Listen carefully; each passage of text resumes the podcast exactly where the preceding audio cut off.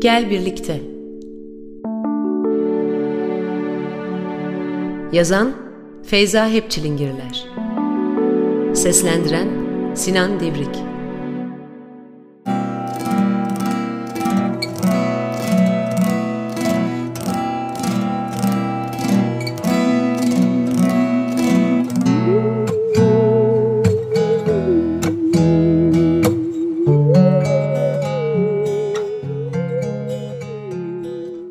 Nasıl yazdığımı merak eder durursun değil mi?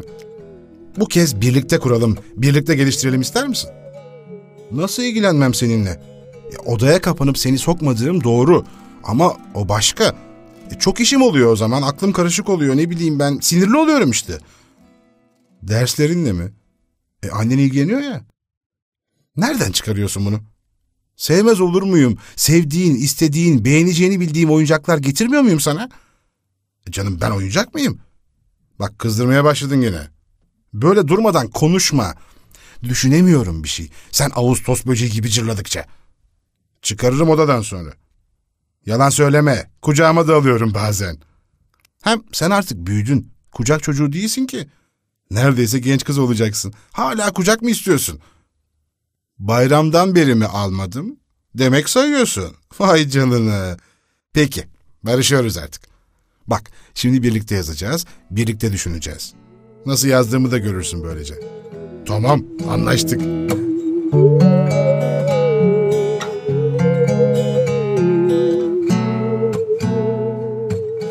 Önce bir öykü kişisi ya da bir olay seçelim. Evet düşünüyorum bir şeyler. Tümüyle önceden hazırlanmış değil. Canım birlikte yazacağız dedim ya. Yalnız böyle hep konuşursan nereden başlayacağımı bilemem. Senin susman benim de düşünmem gerek. Hmm, bir trenle birlikte yola çıkalım mı? İçlerinden bazılarını seçer anlatırız yolcuların. Elbette bildiğimiz, tanıdığımız kişilerden, onların benzerlerinden, öyküsü olabileceklerden. Trenimizde güzel, şık bir kadın olsun. Adı mı? Adını söylemesek de olur. Tomris Hanım var ya, hani halanın arkadaşı. Onun gibi bir kadın düşünüyorum. Bak şöyle başlayalım mı? Tren kalktıktan kısa bir süre sonra genç kadın kürkünü çıkardı. Elbette kocası da var. Onu da konuşturacağız. Bak şöyle diyelim istersen. Tren kalktıktan kısa bir süre sonra genç kadın kürkünü çıkarmak için davrandı. Kocası yardımcı olurken sıcak oldu dedi. İçini çevirip üst rafa koydular. Geçen yıl Avrupa'ya gittiklerinde almışlardı. Gerçek astragan. Git bir koşu annene sor bakalım. Bir astragan manto kaç para edermiş? E, ben pek anlamam tabii. Nereden bileceğim mantonun ederini? ne biçim çocuk bu?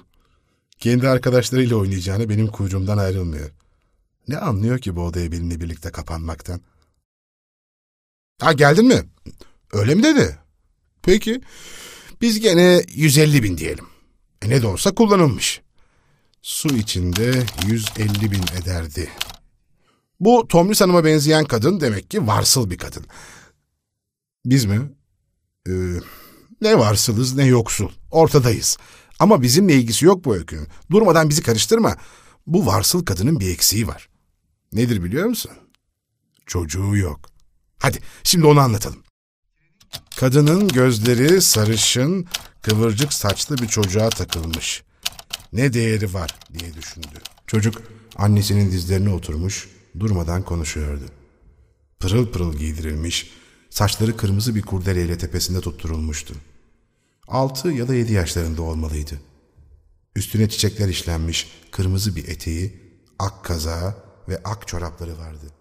Ayakkabıları da eteğiyle özdeş, kırmızı renkteydi. Sen değilsin. Senin giyimini anlattım yalnızca.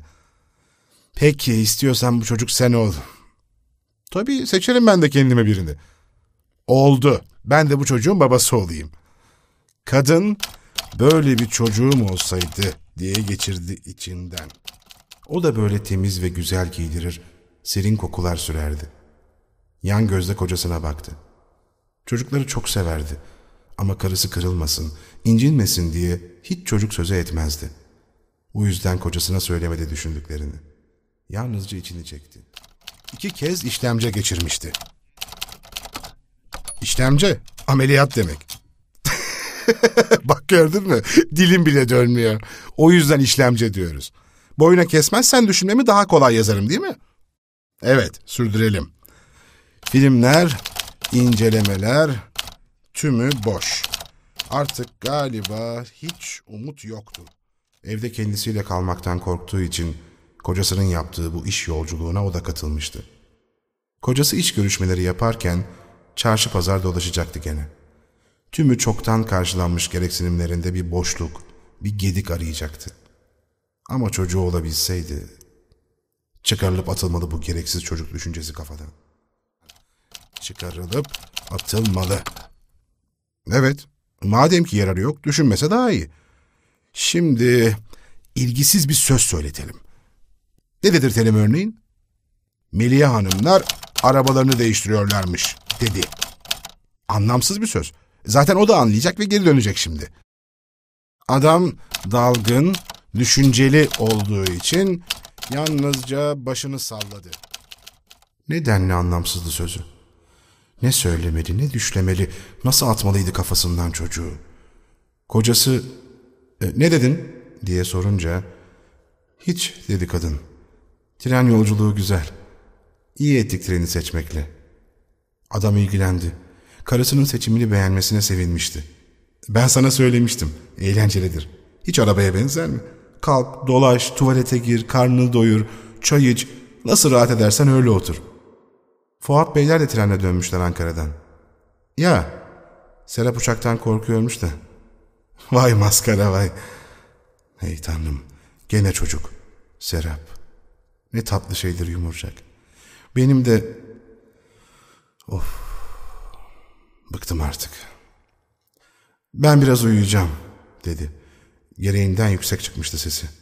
Üstelik durup dururken. Adam üstelemedi. Bağışlayıcı bir biçimde sabah erken kalktın diye hak verdi. Koltuğunu arkaya yatırıp gözlerini sıkıca yumdu genç kadın. Bir uyuyabilseydi, kafasına çengel takan şu düşünceden bir kurtulabilseydi.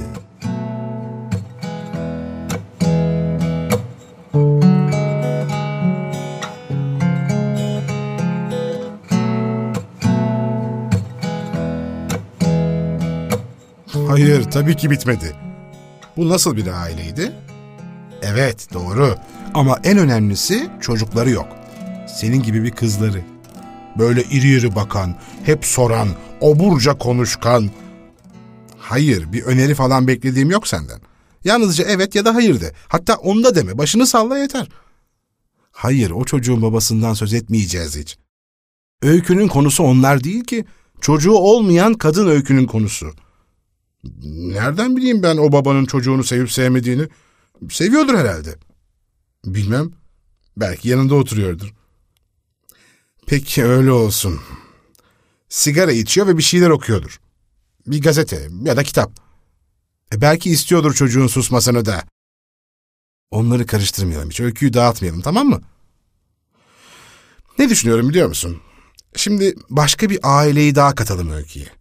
Onların çocukları olsun. Çocuklarının sorunları olsun. Niye mi?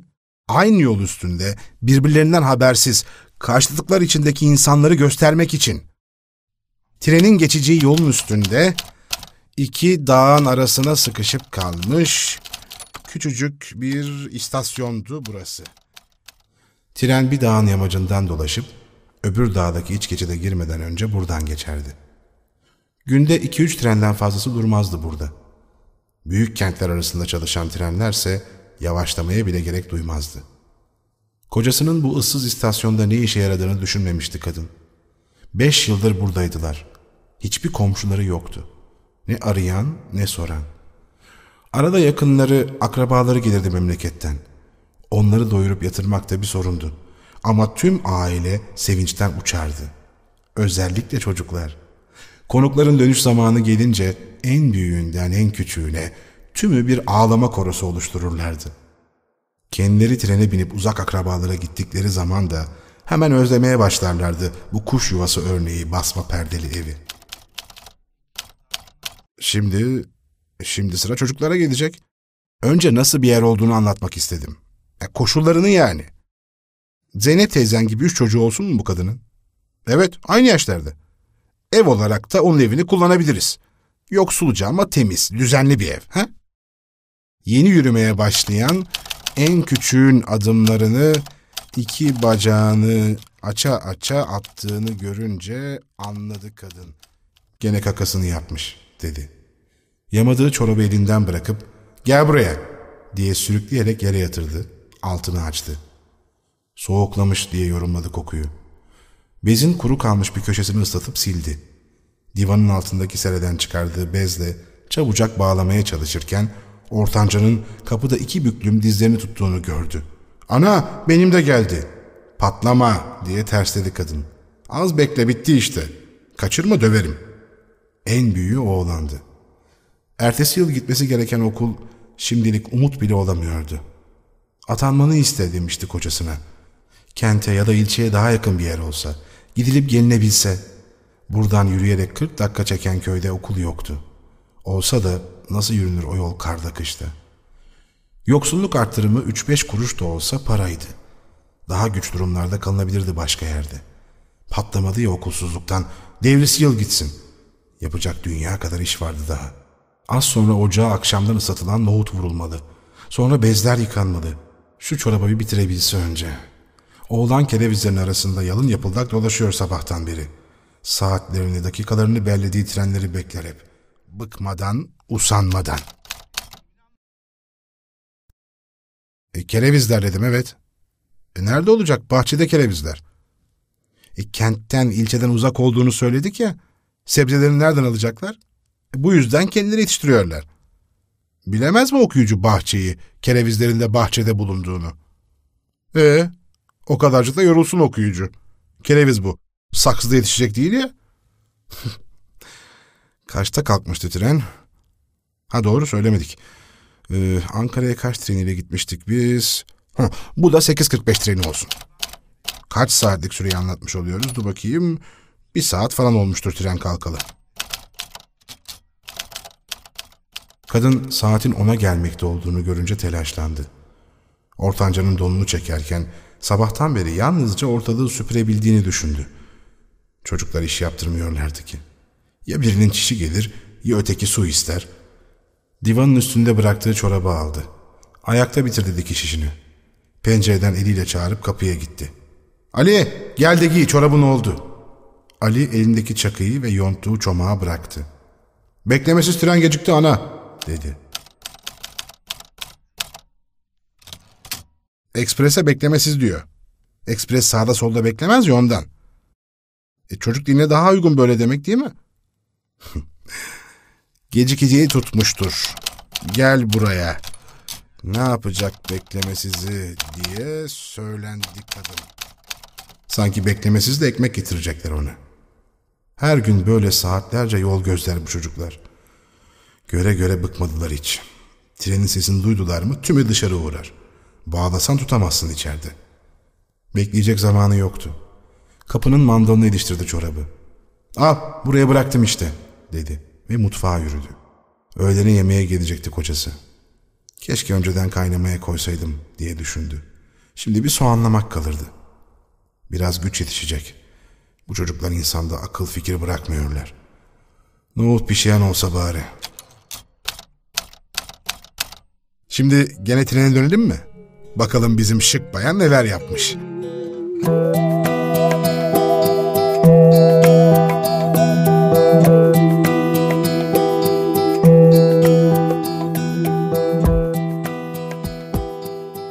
Kocasının yavaşça sarsmasıyla gözünü açtı kadın. Bir saniye bile uyuyamamıştı. Gene de dinlenmiş sayılırdı. Gözleri kapalı, treni dinlemekle. Çay geldi, dedi adam çay bardağını uzatırken. Bir çay iç kendine gelirsin. Kadın saatlerce uyumuş gibi saat kaç diye sordu. Ona geliyor. Daha on bile olmadı. Öyle mi? Zamanda geçmek bilmiyor. 8.45'te mi kalkmıştı? Öbür kadının zamanı azdı. Oysa bu bir türlü geçiremiyor zamanı. Neden söyle bakalım. Hmm. Adam başıyla doğruladı. Daha bir saat olmuştu. Bitmek bilmeyen saatler geçecekti. Nasıl geçecekti? Başını cama dayadı. Küçük bir insan istiyordu. Ona yalnızlığını unutturacak bir çocuk. Herkes uygun görülen şans neden ona gülmemişti? Hangi suçun cezasını çekiyordu? Eğer olsaydı, olabilseydi saatler böyle uzamazdı. Avunmak için çeşit çeşit garip tutkular edinmez, oyuna gitmezdi. Kocasının ardını takılıp bu sıkıntılı yolculuklara katlanmak zorunda kalmazdı. Çay bardağını verirken yenisini istedi. Daha kim bilir kaç çay, kaç sigara içecekti. Kocasıyla konuşulabilecek bir konu aradı kafasında. Yoktu. Yıllardan beri yalnızca konuşmuşlar ve her sözü tüketmişlerdi artık. Ne bir yenilik oluyordu ne de onlarda bir değişme. Bugün gene o çok kötü günlerden biri olacak gibiydi. Bir elin boğazını sıktığını duyuyor, kendisini boğulmaktan kurtaracak davranışta bulunamıyordu. Dışarı baktı. Tren küçük bir istasyona mı geliyordu? Kocasına dönecekken caydı. Gene pencereye yönelip dışarıyı izlemeye başladı. Bir saçağın altında odunlar yığılmıştı. Hayır, keresteler. Upuzun. Ne işe yaradıklarını bile düşünmedi. Sonra birdenbire onları gördü. Trene tepenin yamacından bakan bir ev. Üçü de evin önüne çıkmışlardı. Boy boy üç çocuk trene el sallıyorlardı. Tümü elde şişle örülmüş pantolonlar giymişlerdi. Tümününki de ufalmıştı. Allı morlu kazakları da üst üste geçirmişlerdi sırtlarına. dur dur dur. Ellerini çırpma. O kadar sevinmen için neden yok.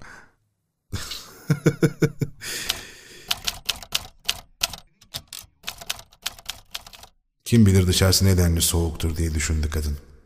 Yakından baksa burunlarında soğuktan kurumuş sümükleri de görebileceğini biliyordu. Gülümsedi. İlk kez hiç tiksinmemişti. İçine bir şeylerin aktığını duydu ılık ılık. Çocuk buydu işte. Sevgi buydu. Saniyenin onda biri kadar bir zamanda çılgınca bir düşünce geçti kafasından. Demin gelişi güzel lafa tıkıştırılan kürkü fırlatsaydı bu çocukları. Hemen camı açıp fırlatabilseydi. Kendisi için çok gereksiz olan kürk, bu çocukların birkaç yıllık gereksinmelerini karşılayabilirdi. Çocuklar geride kalmaya başladılar. Birden her yan karardı. Tren iç geçide girmişti bile. Evet, bitti. Sonra ne mi oldu? Ne bileyim ben. Herkes eski yaşantısını sürdürdü gene. Hiçbir şey olmamış gibi. Zaten hiçbir şey olmadı değil mi? Hey, ben senin ağlayacağını falan sanıyordum. Hiç etkilenmedin mi?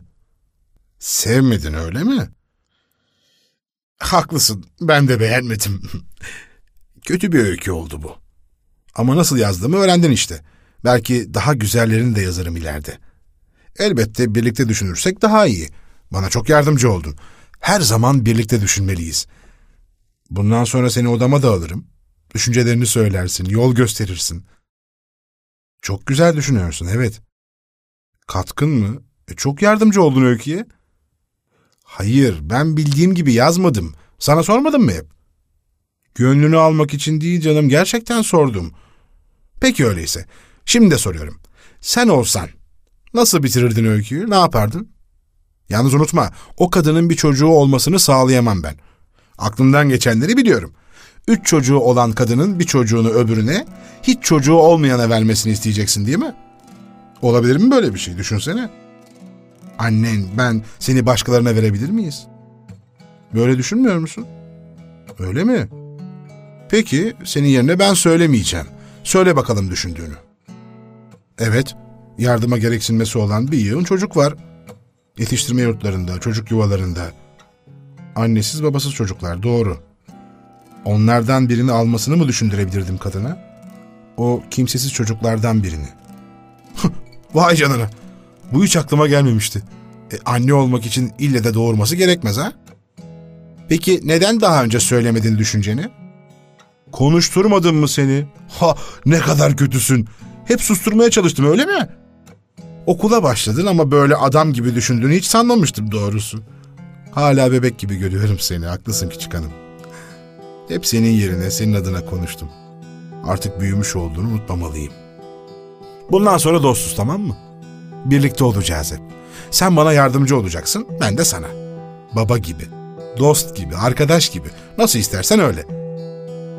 Hoppala. Nereden çıktı bu ağlamak şimdi? O berbat öykü için değer mi?